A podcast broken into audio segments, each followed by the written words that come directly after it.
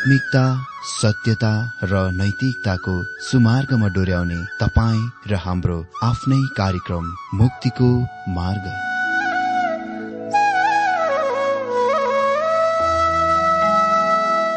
आदरणीय श्रोता यस मुक्तिको मार्ग कार्यक्रममा हार्दिक स्वागत छ। आशा छ यस आत्मिक कार्यक्रमद्वारा जीवनमा आत्मिक आशिष अलौकिक शान्ति र आनन्द प्राप्त गर्नुहुनेछ। र जीवनमा धन्य अनुभव गर्नुहुनेछ। आउनुहोस् श्रोता मन र आत्माको तयारीको लागि यो मिठो अनि मधुर भजन गीत सुनौ।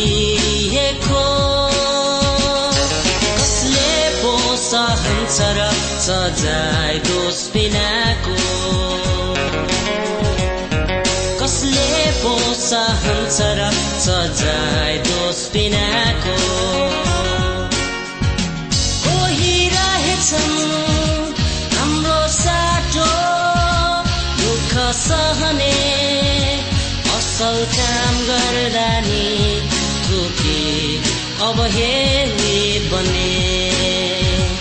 असल काम गर्दा नि अब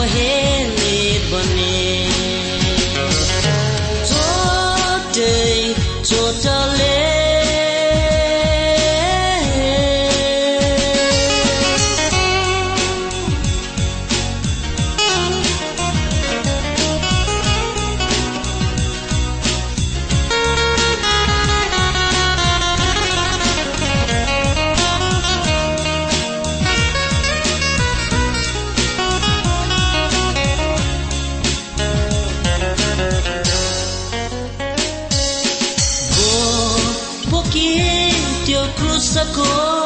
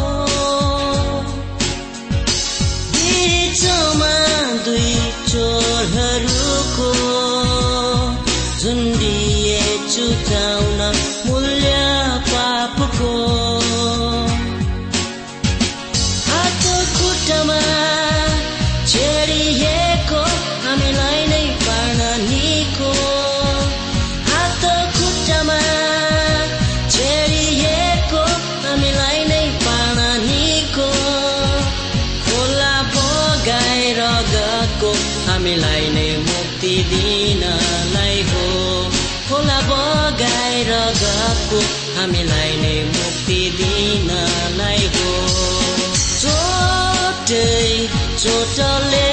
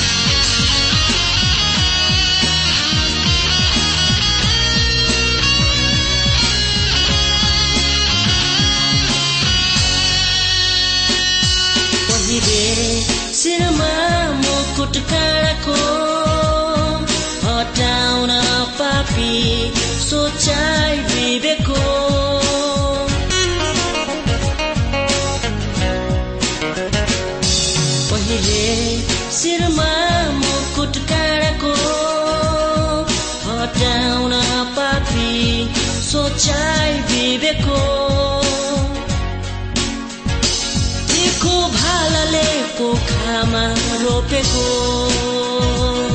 बिर्सन्छौ भनेर प्रेम परमेश्वरको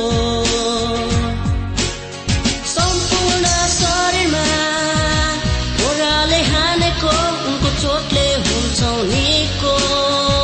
सम्पूर्ण शरीरमा ओराले हानेको उनको चोटले हुन्छौ निको।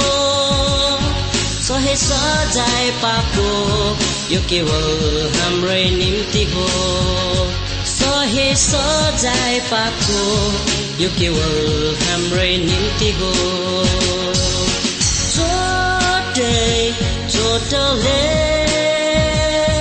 जीवन सजिएको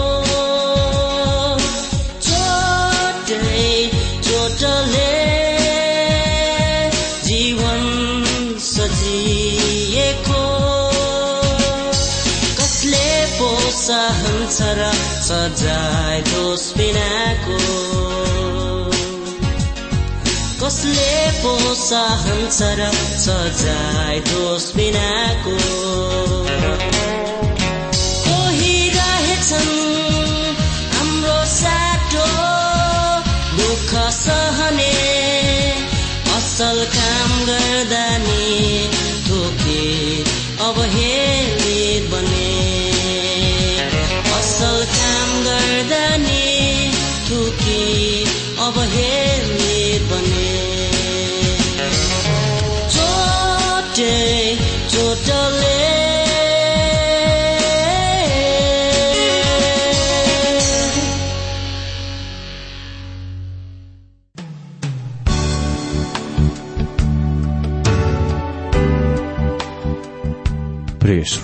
यो प्रसारण मार्फत यो अवगत गराउन चाहन्छौ कि प्रभुको सेवाको लागि यहाँहरूको साझेदारी नित्यन्त आवश्यकता छ। यहाँहरूले प्रार्थनाको साथसाथै आर्थिक सहायता गर्न अनुरोध गर्दछौ। तपाईँहरूको सानो भन्दा सानो भेटी किन नहोस् हामी प्रभुको नाममा स्वीकार गर्नेछौ प्रभुको सेवाको लागि। तपाईँहरूको यो सानो लगानीले कसैको जीवनमा भिन्नता ल्याउँछ? अनि प्रभुको महिमा हुन्छ। प्रभु तपाईँहरूलाई महान गरी आशिष दिनुहुनेछ। इच्छुक श्रोताहरूले तपाईँको इच्छा भेटी हाम्रो ठेगानामा पठाउन सक्नुहुन्छ जुन ठेगाना हामी कार्यक्रमको अन्तमा दिनेछौ। प्रिय श्रोता मित्र अघिल्लो कार्यक्रममा हामी सातौं कटु व्यङ्ग्यात्मक आलोचनातिर प्रवेश गरेका थियौं जुन मिकाको दिनमा मानिसहरूले गरेथे। यो पुस्तकमा आठपल्ट परमेश्वरलाई धृष्ट बगवादी उत्तर दिन्छन्। अनि आठपल्ट तिनीहरूले ढिट बदमाश बच्चाहरू जस्तै उहाँको अभियोग र दोषहरूको खारेज गर्दछन् रद्द गर्दछन्। आठपल्ट तिनीहरू अनभिज्ञ निष्कपटताको बहाना बनाएर स्वाङ पारेर तथ्यहरूलाई टाल्नेछन्। आठपल्ट तिनीहरू अति नै धेरै धर्मनिष्ठ हुन् भन्ने बहाना बनाएर उहाँलाई उत्तर दिए उहाँको अभियोगको प्रत्युत्तर दिन मना गर्नेछन्। म अघिल्लो दिनमा हेरिसकेको बाइबल खण्डलाई एकपल्ट पढिदिन्छु। मलाकी तीन अध्ययको आठ पदमा यस प्रकार लेखिएको छ के कुनै मानिसले परमेश्वरलाई लुट्छ र तापनि तिमीहरू मलाई लुट्छौ? तर तिमीहरू सोध्छौ कसरी हामीले तपाईँलाई लुट्यौं र? मित्र जति धेरै परमेश्वरले तिनीहरूलाई आशिष दिनुभएको थियो। तिनीहरूले उहाँलाई दिनुपर्ने भेटी दानहरू दिइरहेका थिएनन्। तिनीहरूले अति नै कम दिइरहेका थिए र आफ्नो निम्ति धेरै राखिरहेका साँचिरहेका थिए। यस अर्थमा तिनीहरूले मलाई लुटेथे प्रभु भन्नुहुन्छ। तर यस पदमा हामी के थाहा पाउँछौ भने यी मानिसहरू एकदमै धर्मनिष्ठ भएर यसको बारेमा अनभिज्ञ हुने भई टोपोलेर उल्टै पो परमेश्वर गर्दछन्। कसरी हामीले तपाईँलाई लुट्यौं किनकि हामीले फल्ना फल्ना कुरा दिइरहेका छौं? तिनीहरूका प्रश्नले पहिलो यो संकेत गर्दछ कि परमेश्वर लोभी हुनुहुन्छ। उहाँ अझै धेरै चाहनुहुन्छ। दोस्रो परमेश्वर झुट बोलिरहनु भएको छ। तिनीहरूले उहाँलाई झुट तुल्याउँछन्। किनकि परमेश्वरको कुरालाई काटेर आफूले त्यस्तो खालको प्रत्युत्तरमा प्रश्न गर्ने कुराले त्यो मात्र संकेत गर्दछ। मित्र म तपाईँहरूलाई भनौं परमेश्वर गरीब हुनुभएकोले गर्दा आवश्यक परेकोले गर्दा हामीबाट भेटी दानहरूको आशा गर्नुहुन्न। त्यसो त सारा संसार नै र त्यहाँ भएका सारा यावत थोक उहाँकै हुन्। उहाँलाई केही कुराको कमी छैन। तर उहाँ चाहनुहुन्छ कि हाम्रो आराधनाको भागको रूपमा उहाँप्रति हाम्रो प्रेम माया श्रद्धा आदर समर्पणताको कारण हामीले केवल हाम्रा हृदयलाई मात्र होइन तर तन मन धन दिएको र खुसी र हर्ष चित्तले दिएको चाहनुहुन्छ। यो चाहिँ हाम्रो उहाँलाई सेवाको एक भाग हो। हाम्रो प्रेम आदर विश्वासको परिणाम हो र प्रमाण हो। अनि हामी यो धन्यवादी भएर हाम्रो प्रेमबाट उहाँलाई दिन्छौं। अनि परमेश्वर आफ्ना सन्तानहरूबाट पाउनुहुँदा धेरै प्रसन्न हुनुहुन्छ। मित्र मेरो छोरी पाँच वर्षकी छे र तिनलाई जन्मदिनको बारेमा कहीँबाट सुइको पाएछिन् र जन्मदिनको पहिले उसले एउटा कागजमा स्क्रेच गरिन् र ह्याप्पी बर्थडे पापा लेखिन् र मेरो जन्मदिनमा उपहार स्वरूप मलाई दिइन्। मित्र म तपाईँलाई भनौँ मेरो निम्ति त्यो भन्दा बहुमूल्य उपहार संसारमा केही थिएन। र यसले मेरो हृदय अति नै प्रसन्न गर्यो। यद्यपि त्यो सानो कागजको टुक्रा भए तापनि मैले यसलाई साँचेर राखेको छु। त्यो अनमोल छ। मेरा अरू बहुमूल्य चिजहरूभन्दा धेरै अनमोल। यो एक प्रिय पितालाई गर्व बनाउने कुरा हो। त्यस्तै नै हाम्रा दान भेटीहरू उहाँका दृष्टिमा छन्। उहाँ गरिब हुनुभएकोले गर्दा वा लोभी हुनुभएकोले हामीबाट चाह गर्नुहुन्न। तर उहाँ चाहनुहुन्छ हाम्रो तन मन धन हृदयले उहाँलाई प्रेम गरेको आदर गरेको। अनि हाम्रो उहाँप्रति आराधना सेवाको प्रेमको एक भाग हो एक प्रमाण पनि हो। अनि उहाँ हामीबाट त्यो आशा गर्नुहुन्छ। तर इसरायलमा समस्या चाहिँ के थियो भने मानिसहरूले उहाँलाई दिइरहेका थिएनन्। र त्यस अर्थमा उहाँलाई लुटिरहेका थिए। परमेश्वरको अभियोग त्यही नै हो। अनि आज यो मण्डलीमा धेरैको निम्ति सत्य होला। आज हामी मलाकी तीन अध्यय नौदेखि चौध पदबाट बाइबल अध्ययन गर्नेछौ। मलाकी तीन अध्ययको नौ पदमा यस प्रकार लेखिएको छ शराब परेर तिमीहरू श्रापित भयो किनकि तिमीहरूले मलाई लुटिरहेछौ तिमीहरू सम्पूर्ण जातिले। मित्र म तपाईँहरूलाई यो पनि अवगत गराउन चाहन्छु कि अनुग्रहको युगमा तपाईँ जति दिन योग्य हुनुहुन्छ त्यति नै परमेश्वर तपाईँले दिएको चाहनुहुन्छ। कोही कोही मानिसहरूको लागि दशांश भन्दा कमी भने कोहीको लागि दशांश भन्दा धेरै हुनेछ। अनि हुने खानेहरूले दशांश भन्दा धेरै दिनुपर्छ। अमेरिकाको क्यालिफोर्नियामा मुख्य तीन कल्ट जुटा शिक्षाहरूका मुख्य कार्यालयहरू छन्। अनि तिनीहरूले गर्ने एक कुरा हो तिनीहरूले आफ्ना मानिसहरूलाई मोसाइक व्यवस्था मुनि राख्दछन् र तिनीहरूको जोड़ दिन्छन् कि तिनीहरूले मोसाको व्यवस्थाको पालन गर्नुपर्छ। त्यसमा दशांश पनि पर्छ। त्यो व्यवस्था प्रणालीको भाग हो। अनि दशांश चाहिँ एकदम दिनै पर्ने।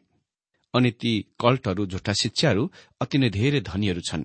मित्र यो आज हामी साँचो मुक्ति र उद्धार पाउनेहरूको निम्ति कस्तो चुनौतीको कुरा हामी अनुग्रह मुनि हुनेहरूले अझ धेरै दिनुपर्छ परमेश्वरको कामको लागि। यो नै कारण हामी परमेश्वरका कामहरूका वा मण्डलीहरूमा कुनै आशिषहरू देख्दैनौ।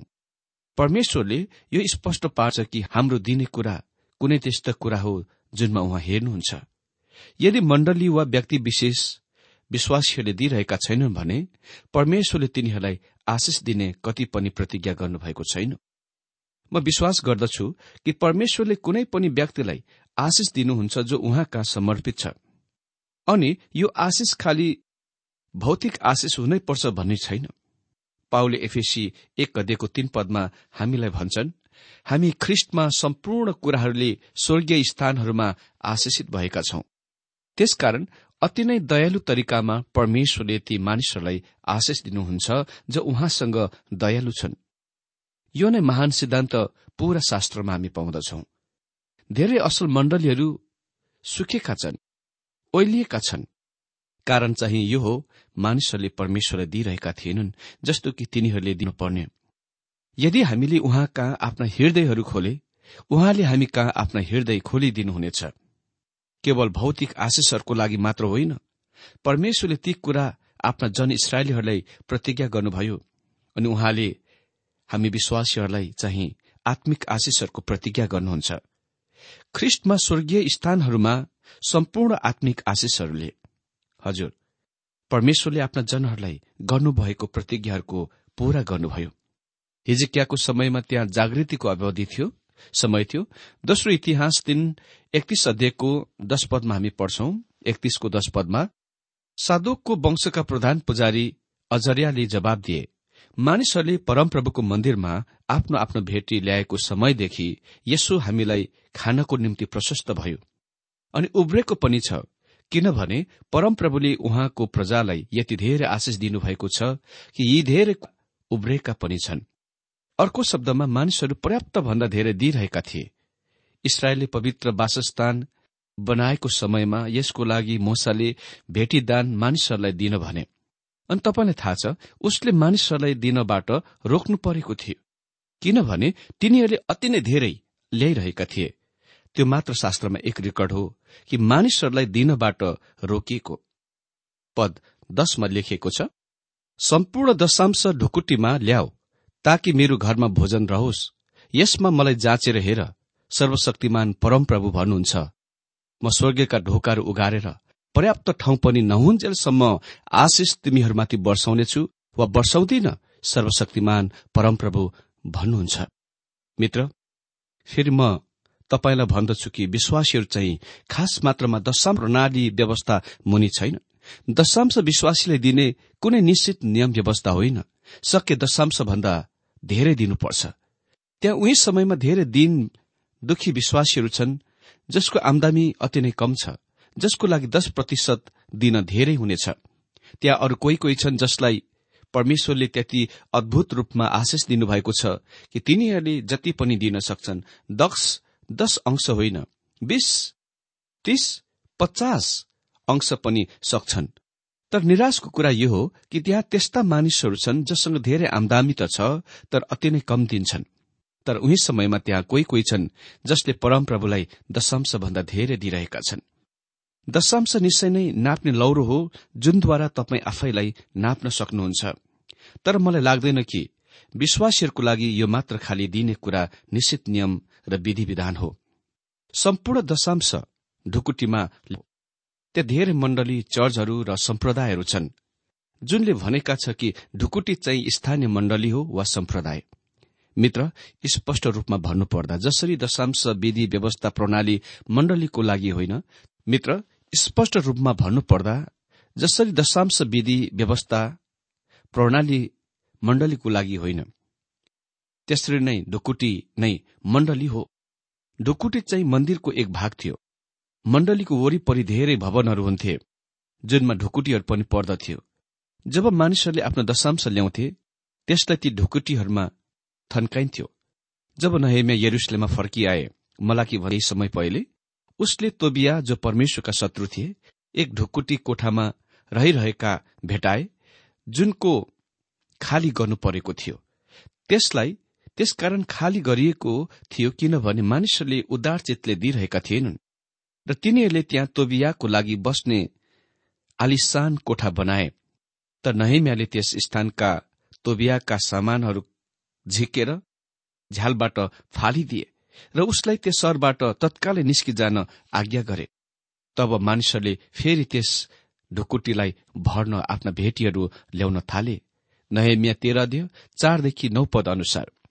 अनि यो कुराको पनि हामीले थाहा गर्नुपर्छ कि इसरायलले त्यस ढुकुटीमा अन्नहरू धातुहरू जस्तै सुन चाँदीका भेटीहरू राख्दथे।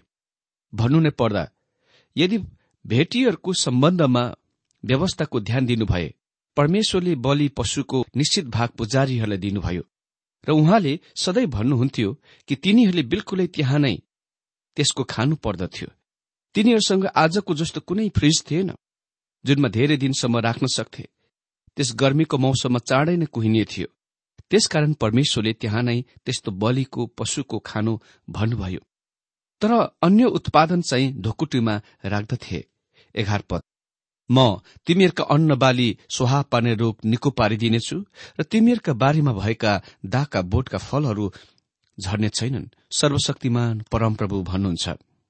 जब तिनीहरू परमेश्वरसँग उदार चितका थिए उहाँले भन्नुभयो म स्वर्गीयका ढोकाहरू उगारेर पर्याप्त ठाउँ पनि नहुन्जेल आशिष वर्षाउनेछु र म तिमीहरूका अन्न बालीहरू स्वाह पार्ने त्यो रोग निको पारिदिनेछु।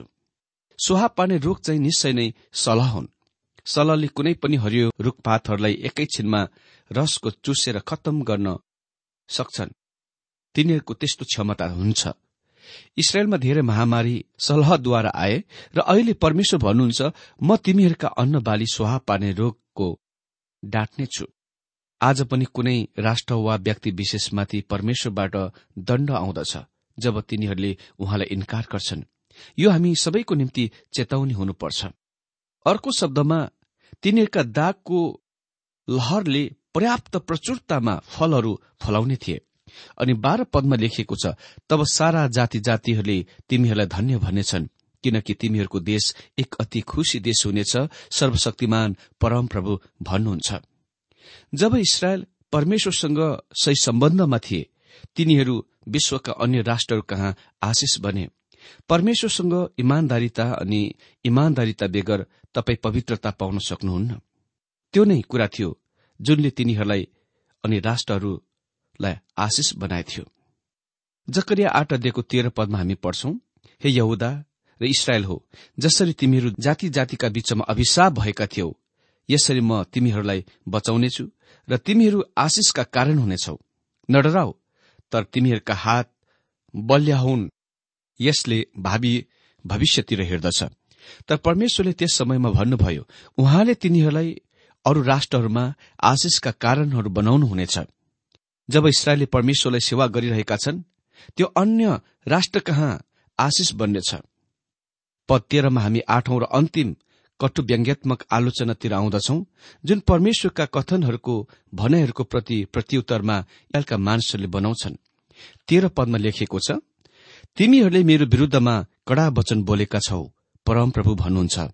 तरै पनि तिमीहरू सोध्छौ कुन विषयमा हामीले तपाईँको विरूद्धमा कुरा गरेका छौं र?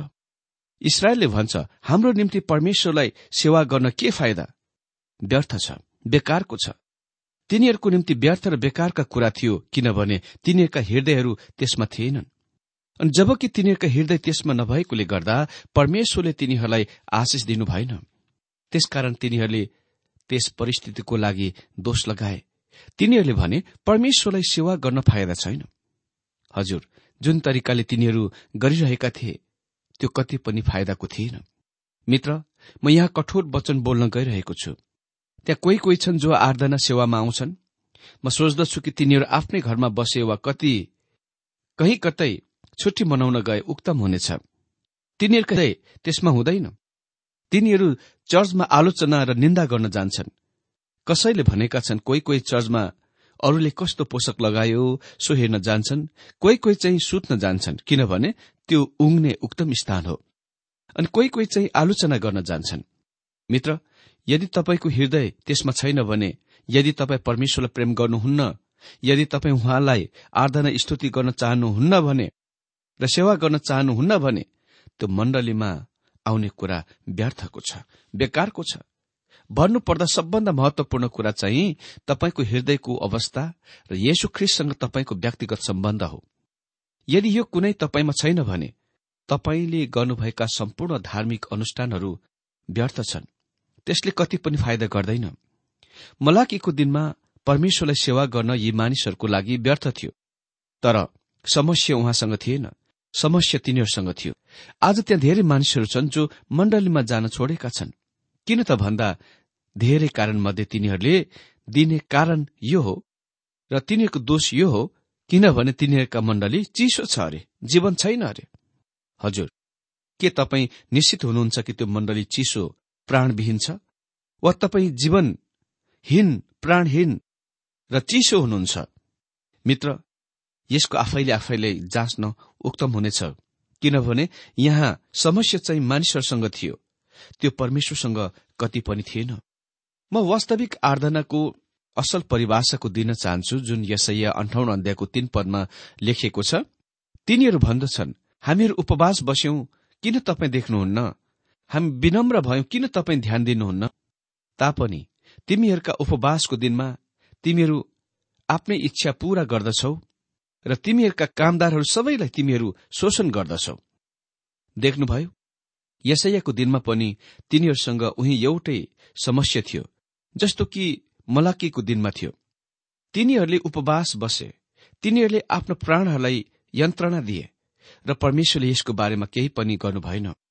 यसैया अन्ठाउन्न अध्यायको चार पदमा लेखिएको छ तिमीहरूका उपवासका दिनहरूलाई र झगडामा अन्त हुन्छ र एउटाले अर्कालाई दुष्ट मुक्काले हिर्काउँछौ।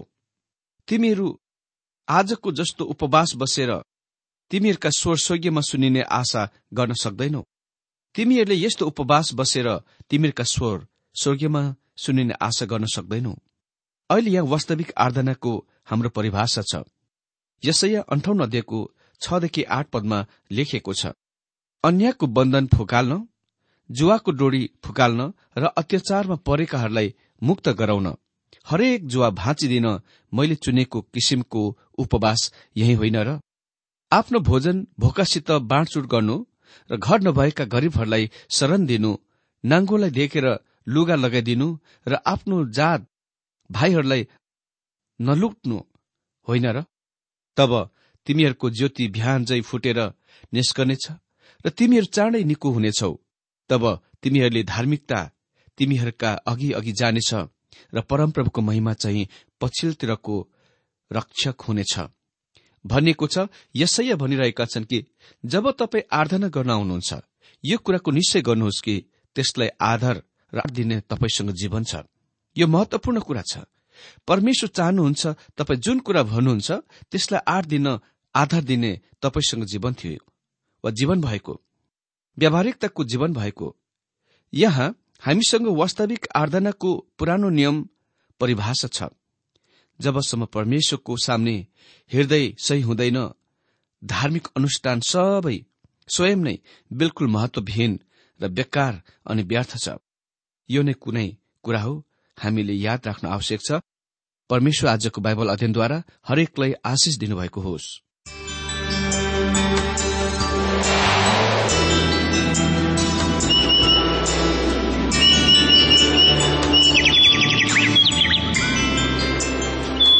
प्रिय श्रोता अहिले भर्खरै तपाईँले टीडब्ल्यूआर नेपालद्वारा सञ्चालित आत्मिक कार्यक्रम मुक्तिको मार्ग सुनिरहनु भएको थियो। श्रोता आजको यो कार्यक्रम सुनेर तपाईँलाई कस्तो लाग्यो? यदि यो कार्यक्रम सुनेर मनमा कुनै खुल्दुली वा कुनै प्रतिक्रिया अर्थात सुझावहरू छन् भने हामीलाई पत्रद्वारा लेख्न सक्नुहुनेछ। हामी हृदयदेखि नै स्वागत गर्नेछौ स्वीकार गर्नेछौ साथै बाइबल सम्बन्धित प्रचारहरू कार्यक्रम सारणीहरू हामी अनुरोधमा पठाउन सक्छौ। अनि तपाईँसँग कुनै प्रार्थनाको विषय छन् भने हामीले तपाईँको लागि प्रार्थना गरेको चाहनुहुन्छ। भने प्रभुमा आफ्नै परिवार सम्झेर हामीलाई पत्रमा लेख्न सक्नुहुनेछ। तपाईँको लागि हामी प्रभु येशुसँग प्रार्थना गर्नेछौ। अधिक जानकारी र पत्रचारको लागि हाम्रो ठेगाना यस प्रकार छ। कार्यक्रम मुक्तिको मार्ग जीपीओ नम्बर उनानब्बे पचहत्तर इपिसी पच्चिस एकसठी काठमाडौँ। ठेगाना एकपल्ट सुन्नुहोला। कार्यक्रम मुक्तिको मार्ग जीपीओ नम्बर उनानब्बे पचहत्तर इपिसी पच्चिस एकसठी काठमाडौँ। हाम्रो इमेल एड्रेस हो TWR Nepal at Yahoo dot com. साथै यस नम्बरमा एसएमएस गर्न सक्नुहुनेछ अन्ठानब्बे चार सत्तरी पैतिस छ सय उनासी नौ आठ चार सात जिरो तीन पाँच छ सात नौ। हुन्छ श्रोता आजलाई हामी विदा चाहन्छौ। अर्को कार्यक्रममा हामी पुनः भेट्नेछौ तबसम्मलाई नमस्कार।